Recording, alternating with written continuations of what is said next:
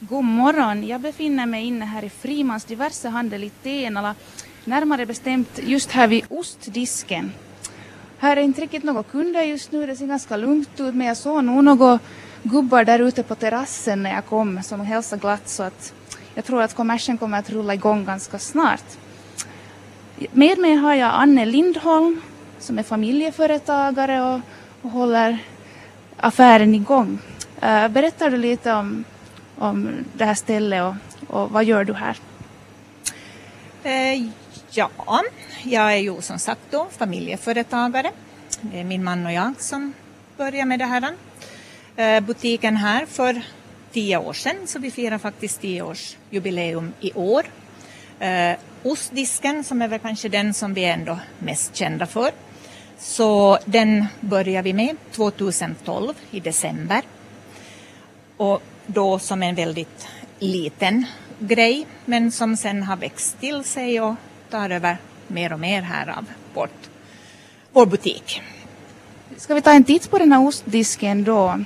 Här är en lång rad med olika, det ser ut som utländska ostar och här är någon som är blåfärgad och röd och grön. No, här finns ju en hel del intressanta. Vi, vi importerar själva eh, med hjälp av en god vän från Holland bland annat. Eh, vi har också nu eh, kommit i kontakt med en grossist i Sverige. Och, och med deras hjälp så importerar vi då från alla möjliga olika länder våra ostar, förutom de som vi gör själva. Ska vi då ta en titt på här i änden av disken har vi den legendariska Tenalaosten. Nå den ja, så den kom till försäljning 12 12 2012. Då i den där lilla ostboden där. Och, Vem är det som lagar den? Eh, no, den kommer faktiskt som en halvfärdig produkt till oss. Eh, det är ju så här i, i vårt land att här finns några aktörer som har lite monopol på, på mjölken. Så att eh, med den mängd som vi säljer här så finns det ingen möjlighet att vi kan tillverka den själva. Så den kommer som, som halvfärdig produkt och vi, vi börjar förädla den. Vi öppnar den och smaksätter och har den i saltbad och sen på lagring. Så sen blir det då vår tenalost. Hur länge tar det att laga en sån?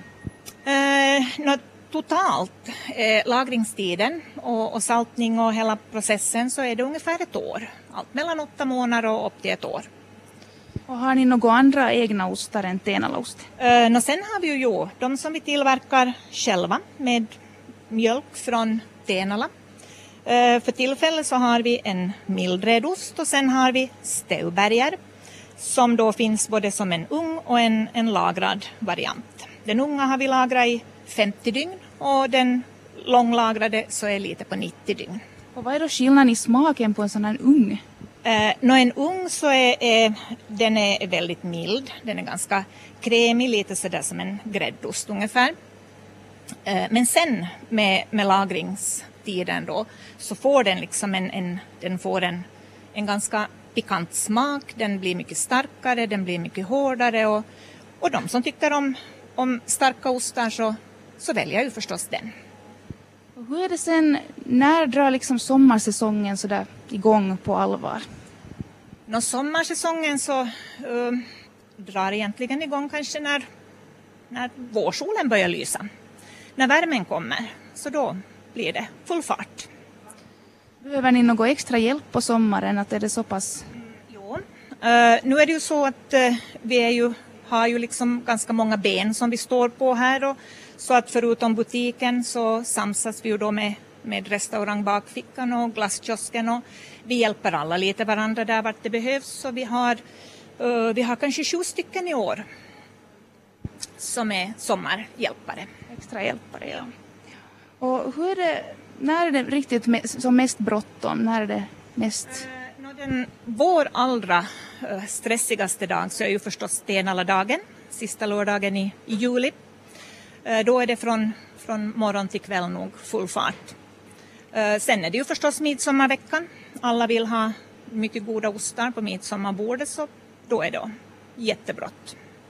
Och brukar ni ha mycket liksom, eh, kunder från runt om Finland eller? Eh, jo, det har vi. verkligen nog. Eh, speciellt sommartid förstås, men att egentligen året om. Eh, vi har kunder nog, de, förstås de som kommer längre ifrån så ringer till mig ibland och frågar att har vi något Tenalaost och har vi den osten och har vi den. Eh, de ringer från Kyrkslätt, de ringer från Ingo.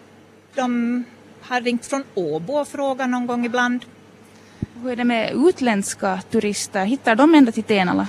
Eh, ända till Tenala, naturligtvis. Tenala är väl ganska mitt i, i Raseborg så det, jo, de hittar jättebra hit. Här finns ju också många utländska mm, såna, sommargäster som kommer år efter år. De vet vad vi har i, i vår ostbod och i vår butik överlag. Så, jo. Så det är så att intresse för närproducerat stiger? Eller? Uh, jo, det gör det. Och, och kanske mat överlag och, och, lite annorlunda produkter. Vi, vi strävar ju efter här i vår butik att ha produkter, i synnerhet då matvaror, som kanske inte finns i alla de här stora marketerna utan som är lite, lite annorlunda. Lite hipstrigt liksom? Ja, precis det. finns det någon ost då som är speciellt poppis så här på sommartid? Um, no, här har vi några brien som är, är smaksatta med bland annat med ramslök. Uh, vi har haft med gräslök. Uh, vi har en, en fransk Delice de Bourgogne som är jättegod, en vitmögelost. Och, och, den ska man då äta med jordgubbar och dricka lite champagne. Riktigt sån här sommar, sommarost. Så det är inte liksom någon vintergrej det här med ost utan det går året runt? Det går året runt, jo, absolut. Uh, har du koll på hur mycket ni säljer av den här osten? Uh, jo, det har jag. Ungefär får man... Vi säljer massor med ost. Ja, stora mängder. Det går bara bättre och bättre? Uh, det går bara bättre och bättre, ja. Och, och, hur måste man eh, planera, att när, när måste man börja fundera att vilka ostar ska vi ha på sommaren och så här, att är det ett stort planeringsarbete? Eh, egentligen inte, nej. Vi, vi, tar, vi köper ju in våra ostar efter behov och, och det är ju så där att vi, vi tar ju alltid stora mängder i gången när vi tar så där är lite, vi försöker variera. Eh, att inte alltid ha bara ett och samma. Och så det egentligen inte nej på det viset. Så mycket planering. Har det kommit något önskemål av kunderna eller feedback? Jo, det kommer alltid önskemål. Och, och vi försöker ju att uppfylla deras önskemål så långt det bara är möjligt. ibland lyckas det bra, ibland så kanske det inte går riktigt, riktigt lika bra. Så att osttillverkningen kommer att fortsätta? Det kommer den definitivt att göra, absolut.